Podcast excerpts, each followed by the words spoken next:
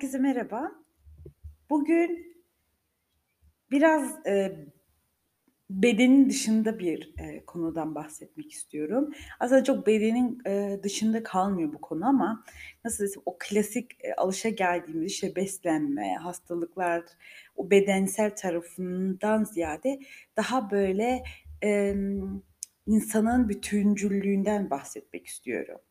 Şimdi tabii ki, yani, hep söylüyoruz, eee, insanı, eee, hastalığa neticede vardıran meseleler, eee, sadece bedenden veya beslenmeden çıkmıyor.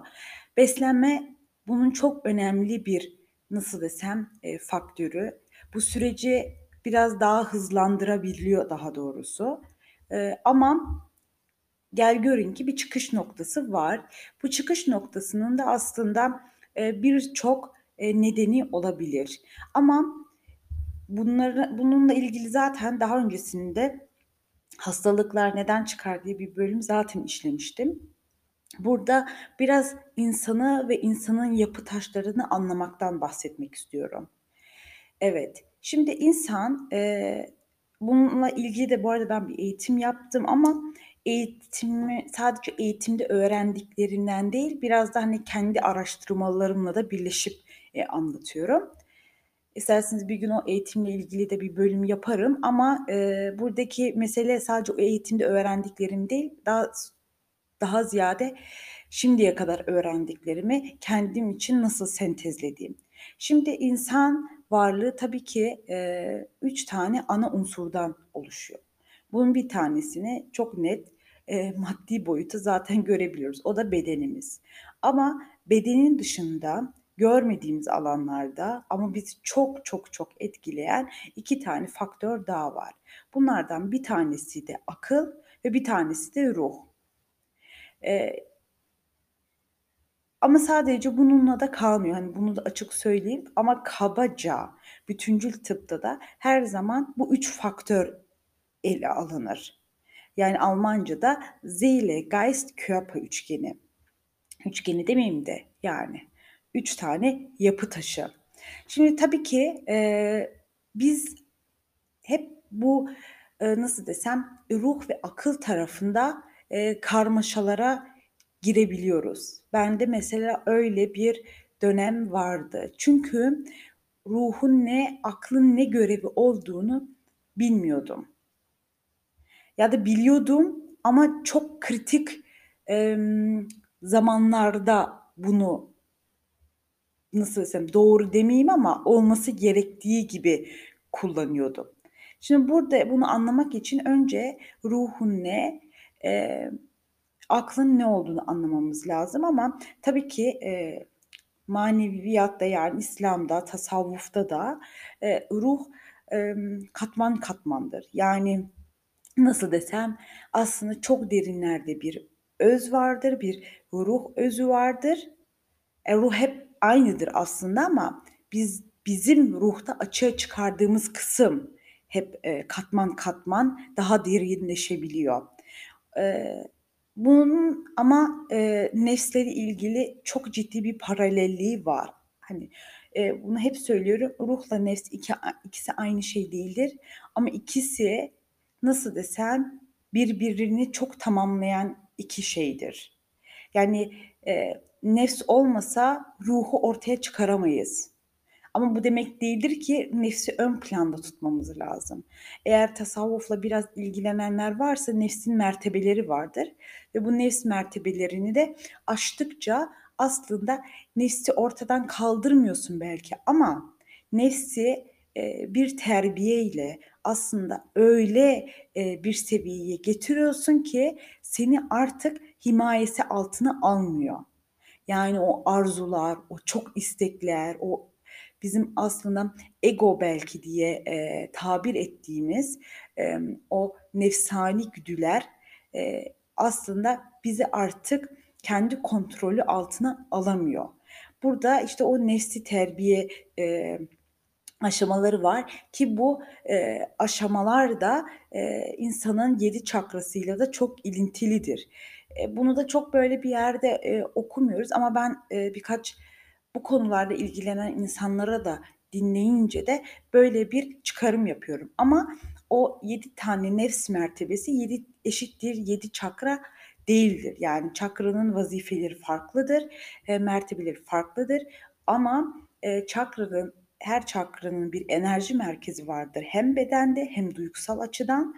O beden ve duygusal açıdan da nefsani terbiyeyle de çok yakın yakın bir ilişkisi vardır. Ama bu mertebeleri de şöyle algılamamız lazım. Sonuçta biz de nasıl çakralarımızı dönem dönem farklı kullanabiliyoruz görmediğimiz alanlarda.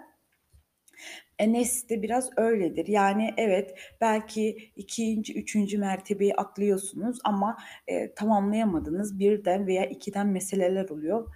Ya da üçtesinizdir. İkiden bir e, iki ile bağlantılı bir mesele görürsünüz. Bakmışsınız ki ikiyi tam anlamında kavrayamamışsınız.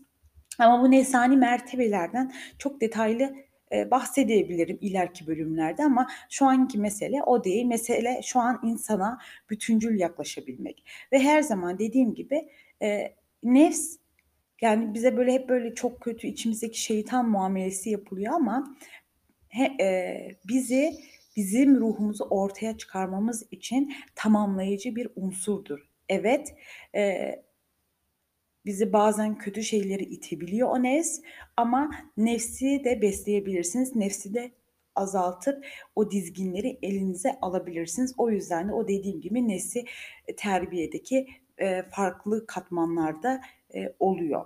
Evet, şimdi bir bütüncüllük var. Evet, ruh var, akıl var ve beden var. Bedeni şimdi ilk etapta biraz dışarıda bırakıyorum ki dışarıda bırakmamamız da lazım. Çünkü e, ruhta da akılda da çok e, önemli e, etkileri var. Öne mesela örnek verelim acıktık değil mi?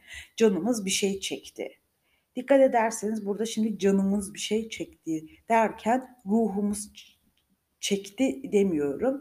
E, Türkçe'de bazı kelimeler bazı e, nasıl desem bazı anlatımlarla e, farklı bir kelimeyle anlatılmaya çalışıyor. E, ama aslında orada kastedilen mesele o başka bir şey. Bunu da işte e, aldığım eğitimden öğrenmiştim. Hani buna ben de çok böyle vakıf değildim.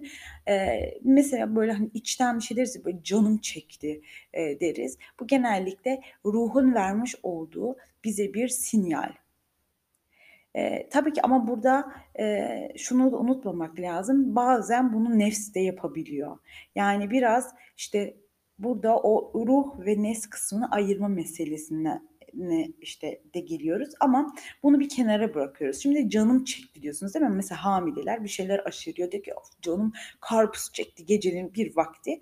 Şimdi orada ruh bir şey istedi. Şimdi bu istenilen şey e, uygulanması lazım. Ve akıl burada uygulayıcı taraftır. Akıl size o o andaki fırsatlardan, imkanlardan, oradaki ortamdan, olabilitesinden size birkaç tane çözüm önerisinde bulunuyor. Yani burada ne diyoruz? Ee, mesela şimdi karpuz yok evde. Diyor ki git komşuna sor karpuzu var mı? Mesela bu bir bu bir e, öneri olabilir. Aklını size vermiş oldu. Diyebilir ki bahçende karpuz var git oradan al o karpuzu. Bu bir olabilir, bir tanesi olabilir. Eğer e, gece gece market açıksa işte git şu marketten al. Bunlar hepsi e, birer alternatif. Nes aslında biraz burada çok devreye geliyor. Diyor ki of Asena karpuz ye Ay bir de onun yanında bir de peynir kes, peynir de ye ya. Ne güzel olur. Bak. O arzuyu, o e, iştahı e, olduğundan da daha da fazla böyle destekliyor. Belki gece gece bunu yemememiz yememeniz gerekiyorken ama ne size burada bir güdü veriyor ve siz o güdüyle birlikte belki işte sadece karpuz yiyecekken peynirli karpuz yiyeceksiniz. Tabii ki peynirli karpuz yemek kötü değil ama hani aklıma şu an bu örnek geldi. Akıl bu uygulayıcı taraftadır. Tabii ki aklın e, faydalandığı organlar var. Bunlardan bir tanesi tabii ki e, beyin. E, beyin de e, ama kalple çok yakın bir ilişkidedir.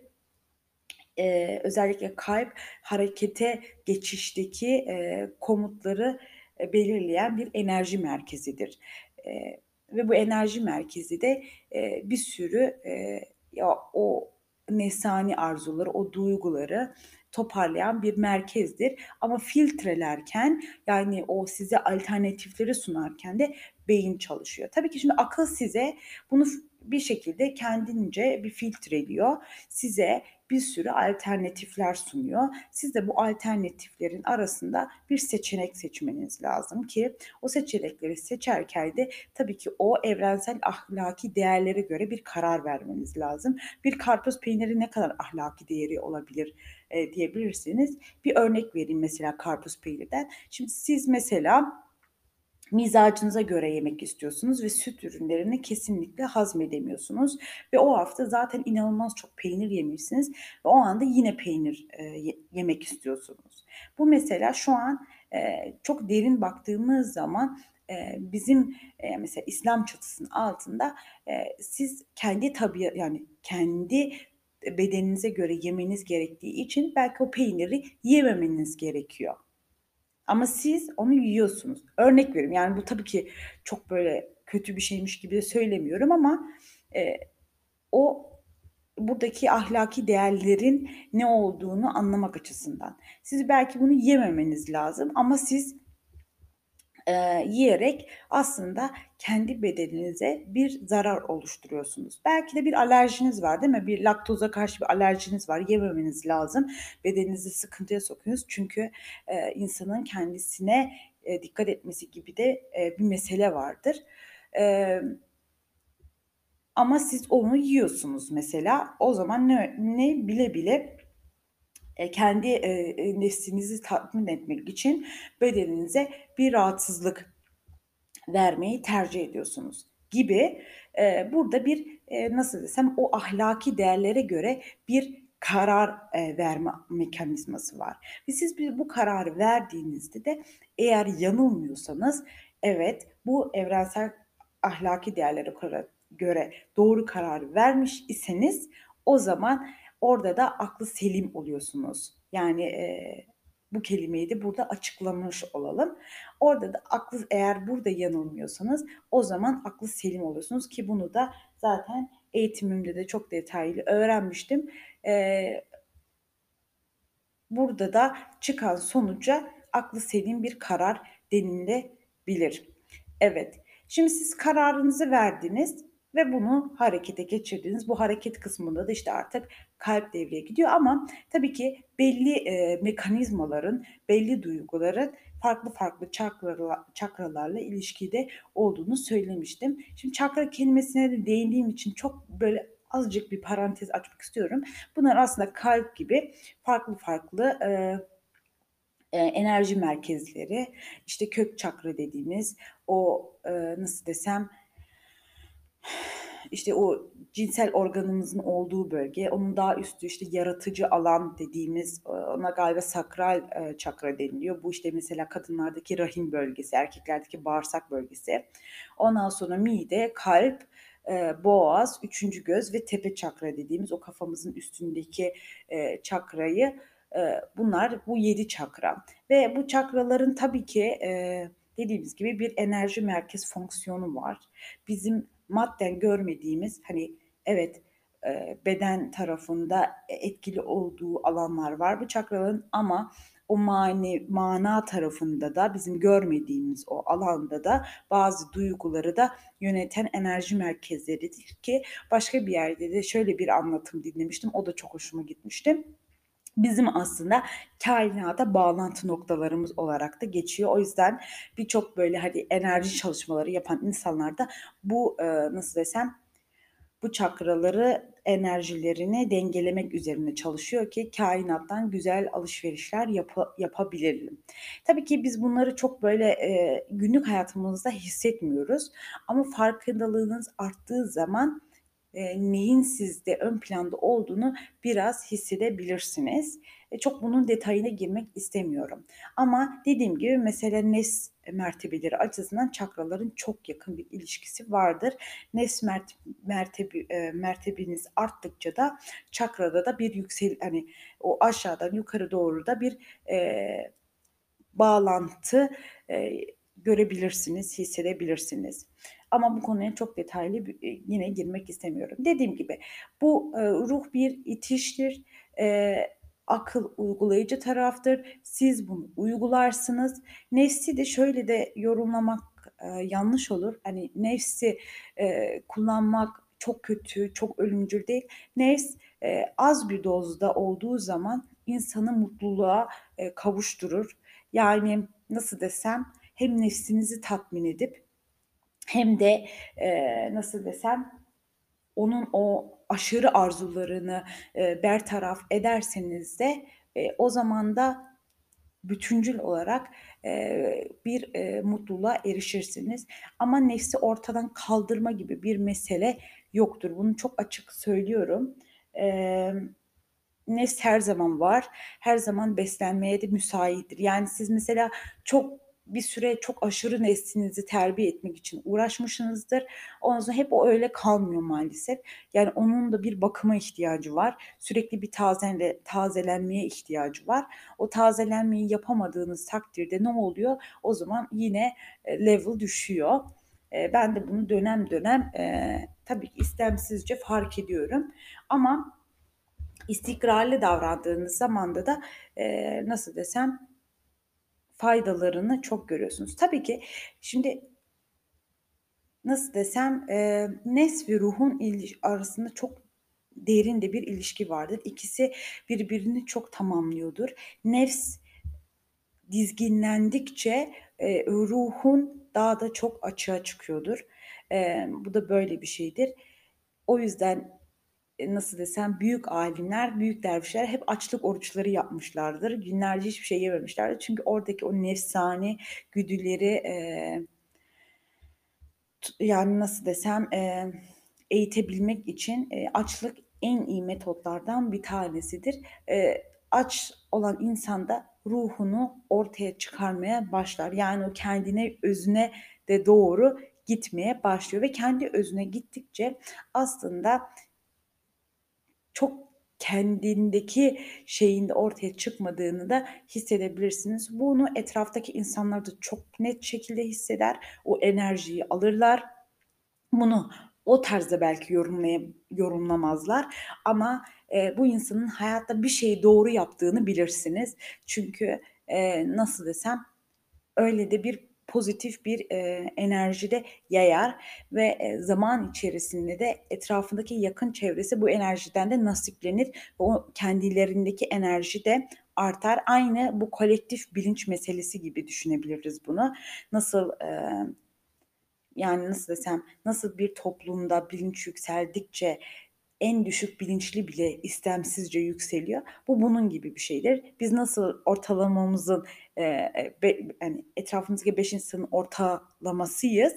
Etrafımızda insanlar da birisinin yükseliş, yükselişiyle de yükselmeye başlıyor. Burada şey olmuyor bu arada hani yükselip derken ama bilgileniyor mu? Hayır. Yani e, biz biraz şurada hatayı yapıyoruz. Zannediyoruz ki bir kitap okursak, bir eğitim alırsak, bir bilgilenirsek e, o zaman o zaman e, kendi özümüzü ortaya çıkarız. Tabii ki gayret, öğrenme isteği çok önemli, çok destekleyici unsurlar. Ama ona gelene kadar önemli olan güzel bir ahlak, temiz duygular, salih ameller, iyi düşünceler. Bunlar e, ilk etapta zaten çok çok çok daha etkili. E, bunları yapabildikten sonra da ilimle de birleştikten sonra tamamen bir e, ısıtıcı ve ışık yayan bir mesele haline geliyor bunun hepsi. Evet, çok oradan oraya atladığımın da farkındayım. E, ama meselelerin birbiriyle nasıl bir ilişkide olduğunu da anlamanızı isterim e, kendi özünüze giden yolda da kendi ortaya çıkardıklarınız da istemsizce oluyor. Bu, bu dönemleri eğer yaşıyorsanız çünkü ben etrafımda bu dönemleri yaşayan çok insana şahit oluyorum. E, çok inanılmaz bir ilham kaynağınız vardır. E, böyle istemsizce mesela insanlar kendisini ifade ederken çok daha nasıl desem, çok daha duygusal, çok daha içten, çok daha samimi, eee, ifadeler kullanıyorlar. Eee, o zaman doğru yoldasınız. Eee, inşallah sizin için bu bölüm biraz faydalı olmuştur. İnanın nasıl bir başlık atacağımı bilmiyorum şu an ama, eee, kabaca insanın bütüncüllüğünden bahsetmek istiyorum. Bizim, eee ne muazzam bir varlık olduğumuzu idrak etme açısından. Bu şunu da bir kere daha söylüyorum, bir bölümümde daha söylemiştim ama, emm, günümüzde böyle ruh, eee, sağlığı bozukluğu gibi meseleler var. Böyle böyle bir algı yaratılıyor. Ruh bir kere eşsiz eşsiz ve mükemmeldir. Burada hata yaptığımız kısımlar, eee, beynin, eee, yani beynin organ olduğu, eee, meselelerdir. Evet, uygulayıcı taraf da akıldır ama, eee, akıl bilinçle de çok yakın bir ilişkidedir. Bilinç derken de bilinç ve bilinçaltı vardır. Yaptığımız bir sürü meselede aslında biz hiç bilincimizi değil, direkt bilinçaltımızla mü eee, muhatap oluyoruz.